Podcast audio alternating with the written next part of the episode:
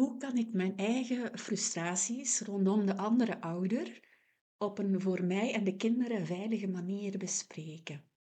Hoe overwin ik mijn innerlijk conflictmonster dat gerechtigheid en rechtvaardigheid wil en haar boosheid tot een soort gif maakt?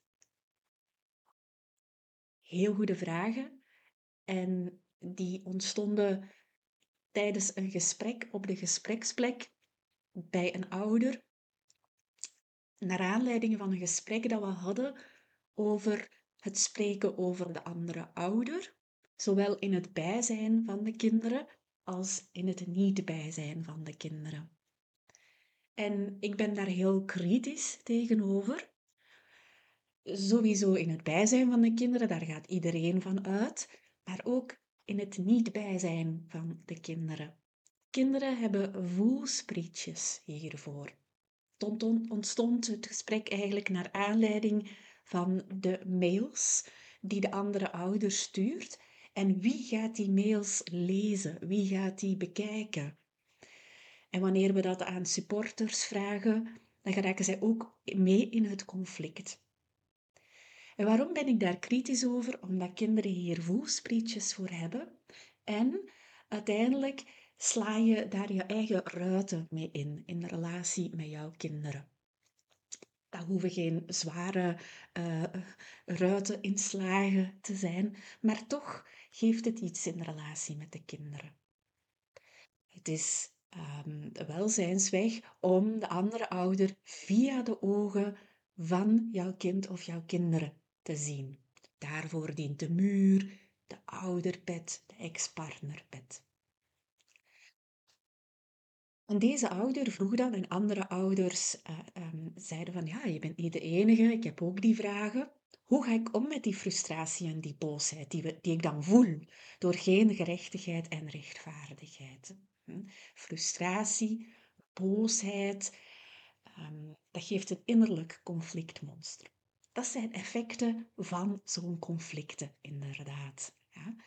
Um, dus dan zit je op de conflictweg. Ja, en dan merk je van, oei, dat geeft innerlijk spanning. Ik zit innerlijk met een conflict. En ja, ik zit dan met die boosheid en ik voel dat aan als een soort gif. Wat moet ik daar allemaal nu mee? Ik denk dat er vele wegen zijn naar Rome. Ik ga hier twee wegen bespreken die, um, waar ik ervaring in heb. En waar ik ook ervaring mee heb um, bij, bij ouders um, om, om, ja, om hier een weg in te vinden. Ik denk dat er zeker ook nog andere wegen mogelijk zijn. Um, een kenmerk van. Kijk, ik het papier er terug bij nemen. Het kenmerk van de conflictweg is onrechtvaardigheid moet opgelost worden. Um, Onrecht moet opgelost worden. Kost wat kost. Um, dat is een kenmerk van de conflictweg. Een kenmerk van de welzijnsweg is onrecht is er. Er is niet altijd een oplossing voor. Maar hoe kunnen we dat hier dragen als mens? Wat als ik in mijn leven geconfronteerd word met onrecht, met ehm, een rechtbank die onrecht aandoet, met een andere ouder die met de ex-partner die onrecht aandoet, sorry. En zo zitten mensen over heel de wereld um, hierin. Wat met een oorlog, wat met ziekte, wat met um, financiële tegenslag, ontslagen worden. er is heel wat onrecht in de wereld. En we kunnen dat niet allemaal oplossen. We hebben hier in het Westen de idee van de maakbaarheid van ons leven. Het zit heel erg in ons westers denken ingebakken, dat als we maar heel hard genoeg ons best doen, kunnen we dat oplossen. We kunnen onrecht oplossen. Dat is zo die maakbaarheid. Ehm, wat ik bedoel, hè. we kunnen het leven kneden, maken, um, als we maar hard genoeg ons best doen. En dan botsen we tegen een muur van oei, ik doe veel om dat onrecht op te lossen en dat geraakt niet opgelost. En dan beginnen we te twijfelen aan onszelf. Ik ben een mislukking en dergelijke. Ehm, we betrekken dat dan op onszelf of komen in die boosheid, in die frustratie. Het probleem zit dus niet in dat het ehm, aan, aan jou of aan de ander, maar dat er onrecht is in het leven. Dus ik heb, um, dus dat is de eerste weg, denk ik. hoe kan je ergens dat onrecht bespreken met anderen? En dan lees ik dat ook van, er komt een gesprekje op gang op de gespreksplek en dat dat ergens fijn om te horen is. Dat gebeurt ook bij een natuurramp of bij een oorlog. Mensen gaan dan, ehm, dat zag je ook bij de eerste lockdown van de corona-epidemie. Mensen gaan zich solidair gaan opstellen. Ze komen heel dicht bij elkaar en ze delen hun verhalen. Van dit is onrecht, dit, is, dit zou niet mogen gebeuren en dat gebeurt hier. Mensen gaan zich dan verenigen, verbinding zoeken. Dat geeft een soort van ja, draagkracht voor het onrecht. Ik ben jaren geleden gestart met echtscheidingen. Dat zal nu uh, ja, zes jaar geleden zijn. En in het begin zat ik ook in boosheid, frustratie. Waarom gebeuren die dingen? Waarom doet de rechtbank dat? Waarom? Waarom? Waarom? Ik hou mij daar niet meer mee bezig. Ik kijk, wat kan ik doen? Wat kan ik wel oplossen? En daar mijn focus op te leggen. En dat is wat wij ook hier doen. We zeggen van oké, we kunnen de ander niet veranderen. Ik focus mij op wat ik wel kan doen hier binnen. Een van de meest gelezen blogs op de website, dat is de meest gelezen blog en die scoort keihard op Google. Ik heb daar niks voor gedaan. Mensen komen daar automatisch op terecht, dagelijks. Keiveel mensen. Mijn ex moet veranderen. Dat is de titel. Dus dat leeft heel erg. Ja, van we moeten dat oplossen. Er moet ook een oplossing voor zijn. We hebben hier zoveel middelen, zoveel mogelijkheden. En toch, en toch is de maakbaarheid van de dingen beperkt. Dat zeg ik ook soms met, we zijn er niks tegen. Ja, we zijn zo klein. Ik heb dat ook eens met een groep besproken um, en dat is ook we denken soms dat we boven de context staan. De context is de situatie, in dit geval. Hè? En dat wij daar boven staan. Dat wij daar maar kunnen um, aanpassingen doen in de situatie. Dat is een illusie. We zijn er eigenlijk ondergeschikt aan. En we kunnen binnen die context, binnen die situatie naar mogelijkheden zoeken, maar de situatie zelf, daar kunnen we niks aan, aan, aan over het onrecht dan. We kunnen de situatie wel veranderen in bepaalde manieren, maar het onrecht dat daar gebeurd is of gebeurt, dat overstijgt ons. Een moeder uh, zei mij vorige week, ze vergeleek het met, dit is een moeder waar ook heel wat onrecht is gebeurd en nog steeds gebeurt. Ik werk met haar enkele jaren samen. Pardon. En ze zei, het is als een het is alsof dat mijn leven een uh, schilderij is en daar is een zwarte kader rond. In haar geval is, is, is er, um, ja, ja, die zwarte kader is er. En binnen die, dat zwarte kader probeert zij te kleuren wat zij kan. En voelt zij dat schilderij met, met kleuren, met vormen, binnen, binnenin de mogelijkheden. Maar zolang dat wij ervan uitgaan dat wij alles maar kunnen veranderen en maken en oplossen, ja, dan zitten we in die frustratie en die boosheid. Ik heb dit dus zelf ook als, als therapeut de stap gezet dan enkele jaren geleden. Dus in het begin dacht ik ook, ik moet dat hier veranderen, ik moet op de barricades gaan staan. En ik merkte, oh, dat maakt de dingen alleen nog maar erger. En ehm, daar heb ik heel erg dan in de opleiding van, wat kan ik wel doen? Wat kunnen we hier wel doen? Waar kunnen we hier hoop vinden?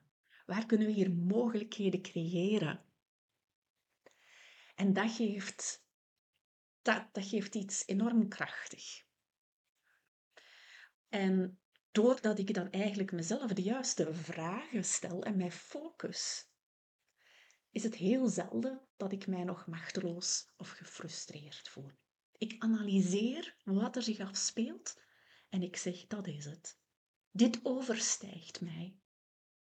Ik, ik, ik ben er niks tegen. Ik stel mij dan heel nederig, heel, dat klinkt raar, klein op, maar ja, dat is het. Dat is het conflict. Kan dat niks, kan dat niet, kan dat niet oplossen. En daardoor voel ik mij dan toch machtig. Niet machteloos, maar ik voel me machtig. Ik heb invloed. Omdat ik dan mij zo positioneer. Dat waren, eh, het was niet zo duidelijk welke twee wegen, maar dat waren enkele gedachten die ik daarbij had en um, waarvan ik de ervaring heb dat die uh, helpend kunnen zijn. Zoals ik zeg, er zijn zeker ook nog andere wegen. Ten slotte wil ik ook nog, um, ja, toch nog een andere weg. Ik heb zelf ervaren, dus sommigen weten dat, dat ik al, langer ziek ben. En vorig jaar is daar ook nog in juli ben ik heel ziek geweest. En ik heb het voorbije jaar ben ik elke dag ziek. En het lukte mij maar om drie uur per dag te werken. En dan was het op. Ik moest slapen. Maanden aan een stuk. Maanden. En ik heb een eigen zaak. Dus als je maar drie uur per dag kan werken. Um, en als je dan nog een opleiding volgt waarbij je dan om de zoveel weken een hele dag ergens naartoe moet, dan ben je dagen, ja, ja dus financieel ook moeilijkheden. En in november was het echt. Ik was zo boos, zo gefrustreerd. Ik voelde mij zo machteloos. Ik dacht van, allee, waarom overkomt mij dit? En dit is zo onrechtvaardig. Ik wil, ik wil heel graag werken en mijn lichaam. En je zal nu denken, hè, dit is een heel andere situatie. En voor een ander is dit gemakkelijker, maar voor mij was dit echt super moeilijk. Ik kon dat niet aanvaarden dat de, mijn gezondheid weer een stap achteruit had genomen. En in november ben ik dan heel hard beginnen mediteren. Mediteren. Ik heb vroeger een uh, compassietraining ook gevolgd en ik ben die weg gegaan. Dus dat gaat een beetje verder dan de mindfulness. Dat gaat over, um, het is een stukje ook over het leven omarmen, um, boosheid, frustratie, en dergelijke. Ik ga daar nu niet te hard op ingaan, op die, die bepaalde methodieken daarvan. Maar dat geeft enorm veel troost. En dan in december opende zich mijn hart eigenlijk gewoon naar mezelf. Ja, mijn hart heeft zich geopend en gezegd van... Oké, we gaan dat pijn, we gaan die pijn niet kunnen oplossen. Um, er is heel veel, er is, we hebben hier heel veel dokters en het is bijna gratis hier. Met de, met de, eh, en, en, en er is heel veel wetenschap en toch, wat ik hier heb, het is niet op te lossen. Dat heb ik vroeger al gemerkt. De dokters kunnen het niet oplossen. Dus door dan in, in, in, in die meditatie nog wat dieper mijn hart open te stellen. Maar ook mijn liefde voor mezelf. En uh, ook die gevoelens van boosheid en van frustratie kunnen in die meditaties één voor één, stukje per stukje, naar buiten komen. En um, ik voelde dat ook toen. Ik, herinner mij waar ik nog was. Ik was aan het wandelen bij die meditatie en ik voelde, en de, en de, meditatieoefening zei, adem nu uit. En als je nu boosheid of verdriet voelt, laat gewoon dat stukje los wat je nu vandaag op dit moment kan loslaten. Dat vond ik heel krachtige, omdat we gaan dat ook niet direct helemaal allemaal loslaten, die boosheid. Ik denk, en die frustratie. Ik denk dat dat stukje per stukje, per stukje gebeurt. En met de tijd en met liefde voor jezelf en je omringen met liefdevolle mensen. En ja, het ouder worden helpt daar ook wel bij. Um, voilà. Dus als laatste wou ik dat stukje van mijn eigen persoonlijke uh, verhaal nog delen. Mogelijk zit daar ook iets in dat je zegt van, ah ja, ik, ga, ik wil dat wel eens, uh, denk dat dat iets is voor mij. Voilà. Mocht jij ook nog dit beluisteren en denken van, oh, ik heb ook nog een weg om met die boosheid en die frustratie om te gaan. Um, ja, we horen het heel graag. Ik denk, het is een work in progress. Uh, voilà. Dank voor het luisteren en tot gauw weer. Doei!